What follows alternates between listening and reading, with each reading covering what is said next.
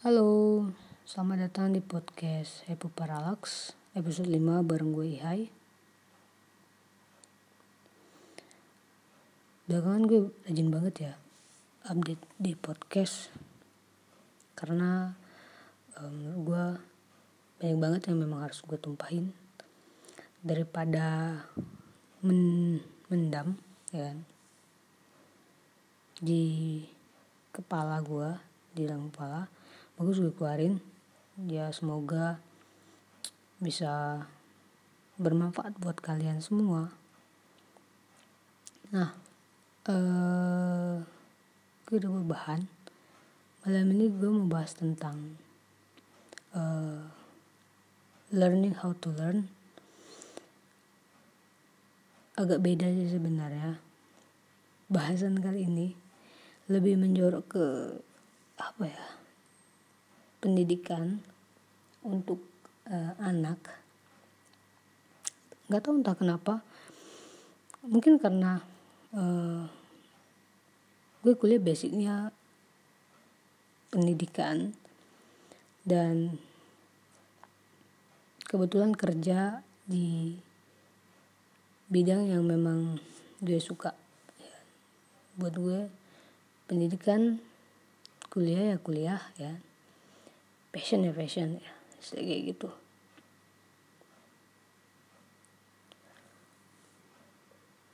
Nah dari berbagai macam materi yang gue buat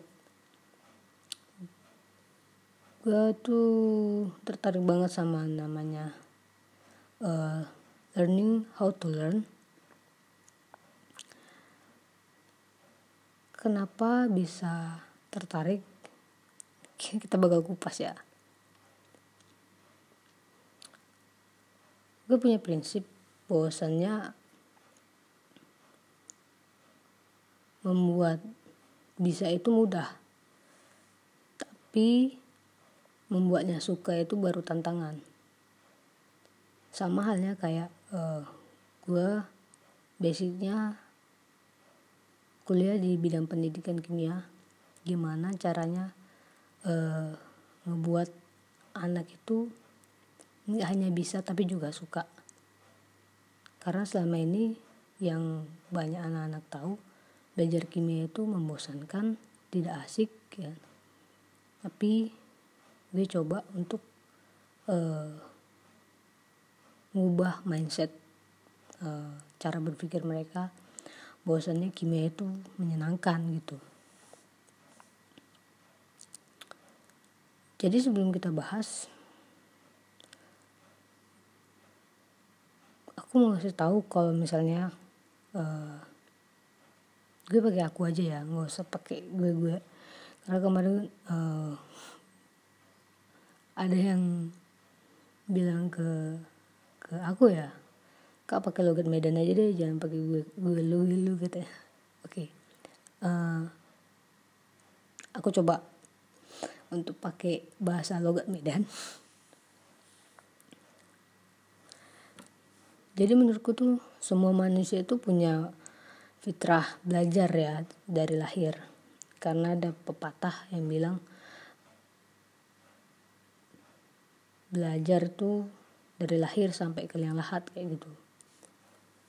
Tapi kan ada beberapa orang tua yang suka belajar dan ada juga uh, orang tua yang nggak suka belajar. Padahal kan uh, dunia itu berkembang sangat cepat ya. Dan pastinya nantinya ya anak kita itu bakal hidup di zaman yang terus berkembang itu. Jadi apa jadinya kalau misalnya kita sebagai orang tua itu berhenti belajar ya itu jadi tanda tanya sebenarnya.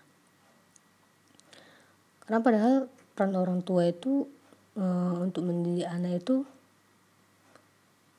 sangat berpengaruh ya.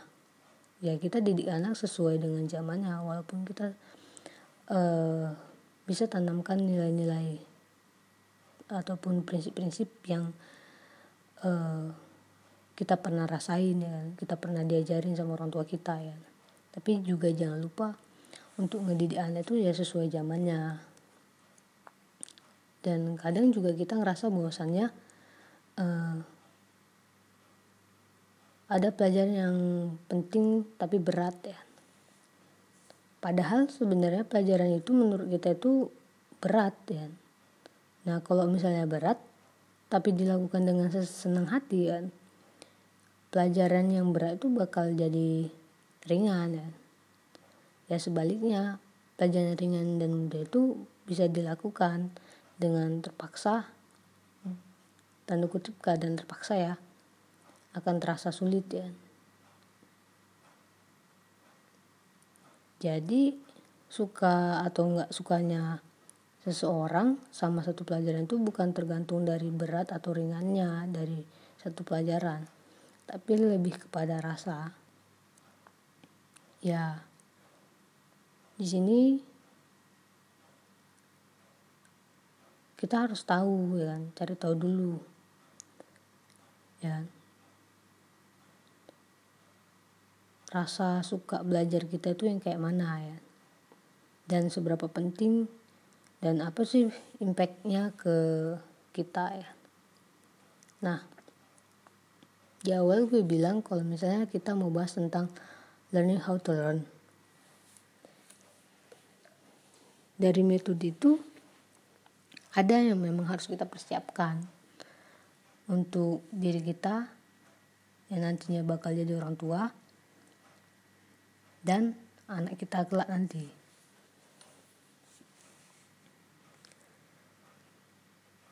Ada tiga yang harus dipelajari dalam uh, proses learning to eh, sorry sorry dalam proses learning how to learn yang pertama itu kita sama anak-anak kita nanti belajar tentang hal yang berbeda yang pertama yang kedua itu belajar yang berbeda caranya yang ketiga itu semangat belajar yang berbeda. Kenapa dikatakan tiga hal tersebut? Kita bakal bahas. Yang pertama kita bahas tentang belajar hal berbeda. Ya ada banyak hal yang bisa dipelajari selama kita hidup ya. Dan ada juga pondasi yang memang harus kita tanamkan dan dipelajari lebih dahulu yang perlu kita pelajari itu adalah apa-apa yang mampu menguatkan iman. Nah, ini merupakan basic yang paling penting untuk ditanamkan dalam hati kita ya, dalam hati kita masing-masing dan anak kita nanti. Di mana ini berpengaruh untuk meraih masa depan yang baik. Lalu uh, kita menumbuhkan karakter yang baik karena kita tahu bahwasannya anak itu merupakan peniru peniru ulang jadi kalau misalnya kita bilangnya A pasti mereka bakal niru A ya. Kita bakal kita bilangnya B pasti mereka bakal bilangnya B. Maka dari itu uh, kita itu harus contohkan sama uh, anak-anak kita itu hal-hal yang baik ya. Karena itu tadi anak akan meniru apa yang kita lakukan daripada apa yang kita ucapkan. Jadi kalau misalnya kita pengen anak kita punya karakter yang baik ya. Maka jadilah orang tua yang baik. Kita contohkan ke anak kita perbuatan-perbuatan ataupun eh, hal-hal yang baik sama anak kita. Lalu uh, kita belajar hal-hal yang sesuai dengan panggilan hati. Itu tadi passion ya. Gue bilang di awal kalau misalnya gue kuliah di bidang pendidikan tapi gue kerjanya di desain. Karena gue ngikutin passion. Nah dalam hal ini juga orang tua juga perlu tahu ya kan? Gimana cara cara ngarahkan anaknya uh, untuk lebih mengejar kebermanfaatan daripada hanya sekedar passion. Ya kita boleh memang ngejar passion. Tapi perlu dipastikan dulu passion yang kita kejar itu bermanfaat atau enggak ya. Makanya gue dari dulu nyari tuh ya. Kira-kira passion apa yang memang tepat di gue ya? Eh, kok di gue lagi? Gue pakai tepat di aku ya. Passion apa yang tepat di aku? Hingga pada akhirnya aku nemuin bahwasanya ya passion aku di bidang desain desain grafis. Tepatnya di fotografi sama desain grafis. Itu dia. Dan yang jelas ketika aku ada di situ ya aku harus bermanfaat untuk orang banyak gitu. Dan yang cara kedua itu dalam proses learning how to learn yaitu cara belajar yang berbeda. Nah, kalau dulu kita dilatih untuk terampil menjawab ya, dulu. Kalau misalnya sistem penerapan yang dulu. Kalau model sistem yang sekarang, kita tuh harus bisa Eh, melatih anak supaya terampil bertanya. Karena anak yang terampil bertanya, dia dapat membangun kreativitas uh, serta pemahaman terhadap dirinya sendiri dan dunia si anak. Jadi kalau misalnya dulu kita hanya menghafal materi, sekarang tuh terbalik ya anak-anak tuh sekarang suka yang namanya mengembangkan struktur berpikir ya. Jadi tuh anak-anak nggak hanya sekedar menghafal tapi juga dilatih untuk mengembangkan uh, struktur berpikirnya ya. dari pertanyaan. Jadi tuh kalau misalnya dulu kita hanya pasif ya kita belajar dulu uh, aku juga pernah masih ngerasain ya belajar itu yang dengerin ya kan dengerin terus yang ngapal ya kan tapi di era sekarang tuh ya kan di zaman sekarang tuh bener-bener beda ya anak yang dituntut untuk aktif dan dan apa ya dan mencari kan itu tadi dari dari dia mencari pasti dia bakal bertanya ya kan jadi struktur berpikirnya itu berkembang. Kalau untuk masalah mendapatkan informasi yang sulit itu tergantung dari kemauannya. Jadi kalau misalnya anak memang udah biasa dididik untuk dia bertanya ya kan, dikasih uh, diberi diberi uh, seperti tantangan ya kan. Pasti jiwa ingin tahunya itu lebih besar. Kalau dulu pun juga kita cuma menerima informasi bulat-bulat dari guru ya kan.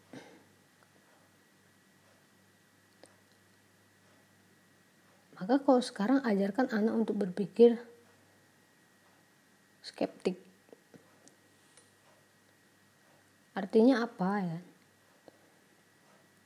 anak itu nggak cuma sekedar menilai informasi yang didapat secara bulat-bulat tetapi mereka tuh harus bisa mengcross check kembali kebenarannya ya dengan melihat eh, sumber-sumber yang lebih valid jadi anak-anak yang sekarang itu sebenarnya lebih lebih apa ya lebih cerdas kalau saya bilang kalau aku bilang. Karena dari kecil ya kan itu struktur berpikirnya itu udah dilatih ya keterampilan bertanya itu udah dilatih ya dan rasa ingin tahunya pasti lebih tinggi ya. Dia bisa menemukan mengeksplor ya kan eh, hal-hal uh, yang memang uh, anak itu tanyakan ya Itu yang kedua. Untuk yang ketiganya, semangat belajar yang berbeda. Ya, kita tahu, harus tahu sebagai orang tua ya. sebaiknya kita tuh nggak ngemotivasi anak uh, belajar tuh hanya untuk mendapatkan nilai. Ya nilai nilai yang baik ya. Dan dapat mendapat ranking ya. Tapi itu harus lebih kepada pemahaman terhadap sesuatu ilmu yang diperoleh. Dan kalau bisa, si anak itu harus bisa menerapkan ilmunya di kehidupan sehari-hari. Dan pencapaian terbaik itu bukan hanya untuk sebuah ijazah, tapi melainkan lebih kepada keinginan dalam mencapai tujuan dan cita-citanya.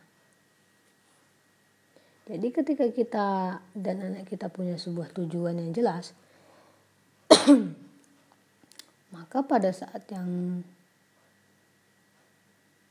di tempat pendidikan yang memang mau kita tuju, kita udah siap dengan sejumlah eh, pertanyaan-pertanyaan uh, yang yang ada. Dan pada akhirnya kita tuh nggak cuma sekedar sekolah tapi juga uh, kita berangkat untuk belajar untuk menuntut ilmu. Ya intinya kalau kita udah tahu tujuan kita kita nggak cuma belajar tapi kita juga pasti bakal ada perasaan senang nyaman kayak gitu. Tapi kalau misalnya anak yang memang belum tahu tujuannya mau ngapain pasti dia datang ya udah belajar abis itu udah sekedar sekolah ya. Dan itu nggak sedikit eh, orang-orang yang ada di sekitar kita itu masih berpikiran kayak gitu. Dan itu nggak salah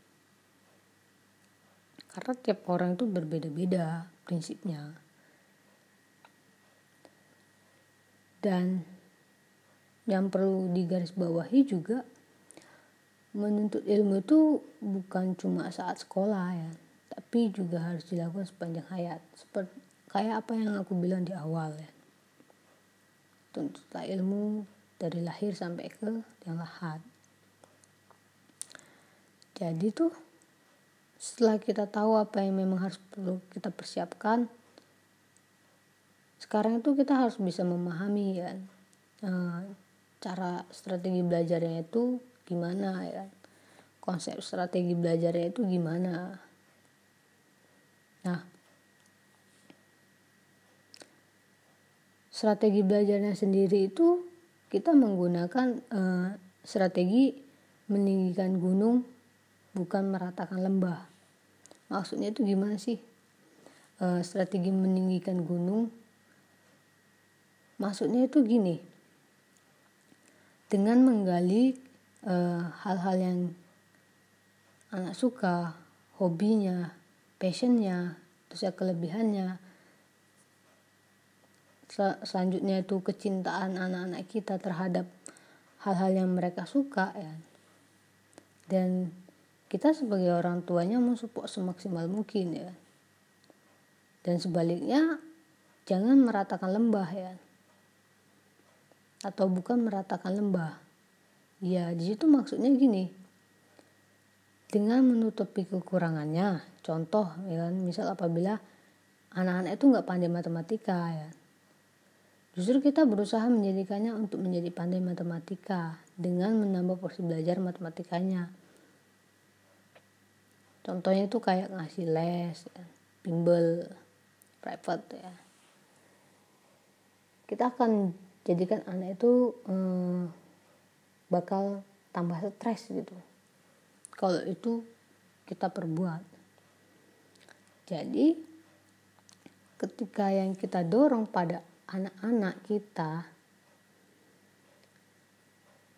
yang kita cari itu keunggulan atau kelebihannya maka anak-anak kita itu akan melakukan proses belajar dengan gembira senang nyaman dan orang tua juga nggak perlu lagi ya kan mengajar atau nyuruh-nyuruh anaknya untuk belajar ya. Tetapi anak itu udah sadar sendiri kan akan belajar dan mengejar sendiri apa yang memang e, mereka butuhkan apa yang memang informasi yang memang ingin mereka tahu ya kan yang mereka ingin dapatkan.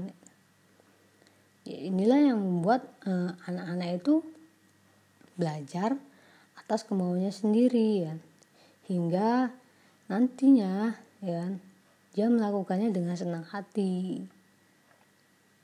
Pasti kan enak kalau misalnya anak belajar tanpa disuruh ya mereka belajar ya belajar karena memang mereka mau dan mereka butuh ya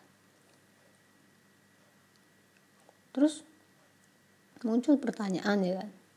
Gimana sih ngebuat anak uh, jadi anak yang suka belajar ya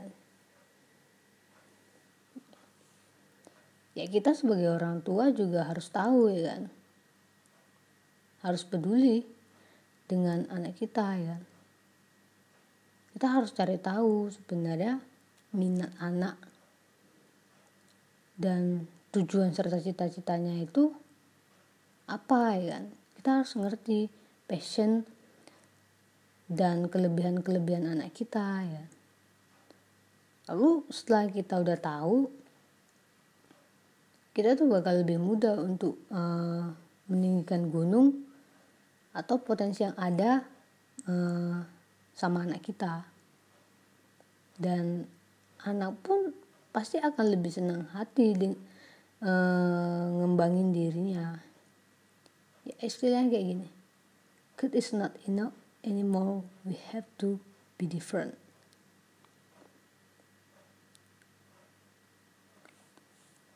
Dan sebenarnya banyak sih metode-metode yang bisa digunakan dalam desain pembelajaran.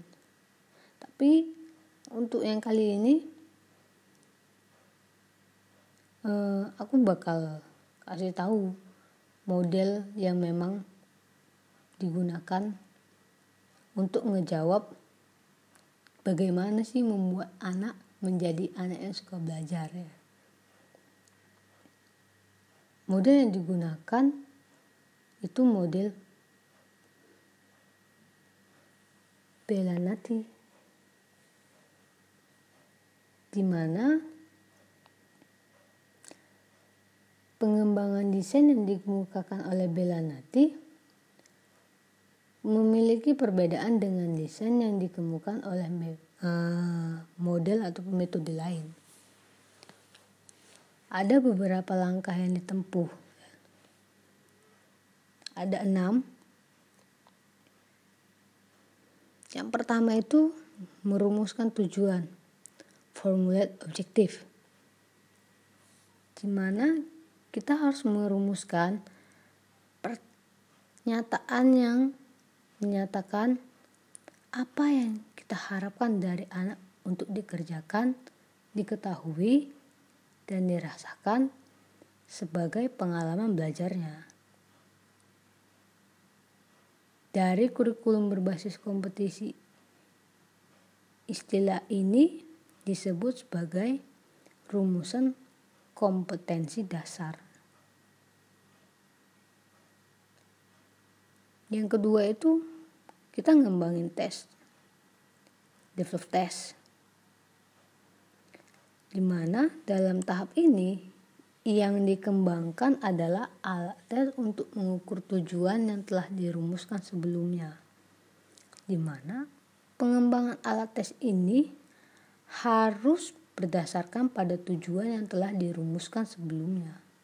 Dan itu dapat digunakan untuk mengetahui kompetensi apa yang sudah dicapai anak dan seberapa tingkatan dapat dikuasai oleh si anak. Itu langkah yang kedua. Dan langkah yang ketiga, kita menganalisis kegiatan belajar. Analisis learning tasks kita merumuskan apa yang harus dipelajari sehingga nantinya dapat menunjukkan tingkah laku yang memang kita harapkan. Nah, dalam tahapan ini tuh sebaiknya e, karakteristik kemampuan awal anak itu sudah dapat dideskripsikan ya. oleh uh, pakarnya oleh instruktur kan sehingga nanti ya tidak akan terjadi kegiatan ataupun proses ya kan, yang dilakukan anak ya kan. Proses yang sudah dikuasai oleh anak sebelumnya ya. Dan yang keempat mendesain sistem instruksional desain sistem. Ini penting banget di mana langkah ini tuh perlu dipertimbangkan ya. Kita harus mempertimbangkan alternatif-alternatif yang uh, harus kita buat dan diidentifikasi. Apa yang memang seharusnya dikerjakan untuk menjamin si anak ini akan menguasai kegiatan-kegiatan yang sudah dianalisis pada langkah-langkah yang sebelumnya? Dan yang kelima itu melaksanakan kegiatan serta mengetes hasilnya. Implement and test output.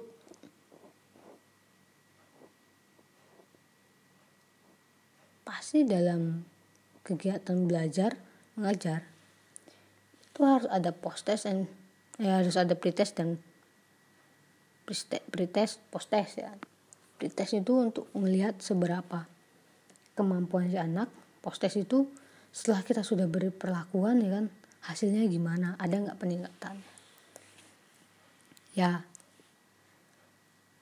Gimana eh, ketika kita melaksanakan kegiatan dan mengetes hasil ya? Sistem yang udah kita desain ataupun pembelajaran yang sudah kita desain itu diuji coba sebelum dilaksanakan. Selanjutnya dari kegiatan ini kita bakal memperoleh gambaran sistem yang perlu disempurnakan. Itu tadi, pretest dan post-test. Sebelum dan sesudah ya. Kalau nantinya ada kekurangan, ya kita coba analisis ya, di mana letak kurangnya ya. Dan itu bisa kita sempurnakan ya. Dan yang langkah yang terakhir itu yang keenam, mengadakan perbaikan. Change to improve dalam langkah ini tuh kita tuh kayak melakukan umpan balik dari hasil yang diperoleh pada langkah kelima ya. Yang melaksanakan kegiatan mengetes hasil itu. Implement implement and test output. Setelah itu kita bakal tahu kemungkinan yang akan terjadi e, dari perubahan sistem ataupun memperoleh sistem pembelajaran kepada si anak. Gitu. Jadi sejauh ini kita sebenarnya bisa membuat anak itu menyukai sesuatu yang tidak mereka suka. Hanya saja kita hanya butuh metode-metode gimana caranya si anak itu bisa menyukai apa yang mereka tidak suka ya. banyak cara yang bisa kita buat ya. Dalam pembelajaran dan itu pasti bakal berdampak kepada tumbuh kembang si anak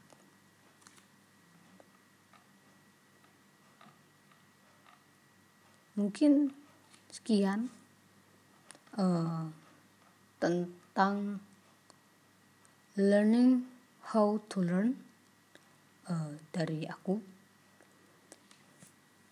Sedikit medok ya. Sorry banget. Ini karena aku disuruh pakai logat Medan terakhir keluar medoknya. Karena aku terbiasa pakai bahasa uh, gue lu gue lu ya.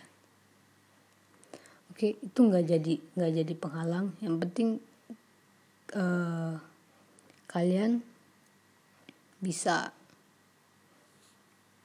paham bisa ngerti apa yang aku bilang. Kalau banyak kurangnya ya. Uh, aku minta maaf. Segini aja yang bisa aku kasih buat kalian. Mungkin next time kita bisa bahas yang lebih dalam untuk untuk tentang pendidik dunia pendidikan karena sejujurnya uh, aku tuh suka sebenarnya uh, sama anak-anak ya. Ngeliat tumbuh kembang anak itu ya bisa bisa bisa dari yang belum bisa ke yang bisa itu pasti aku senang ya.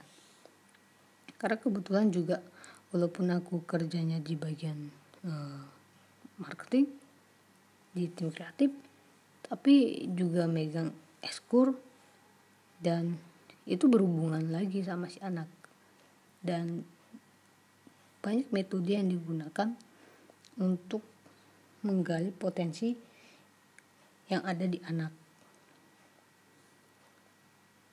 Buatku, anak-anak itu adalah aset, aset masa depan.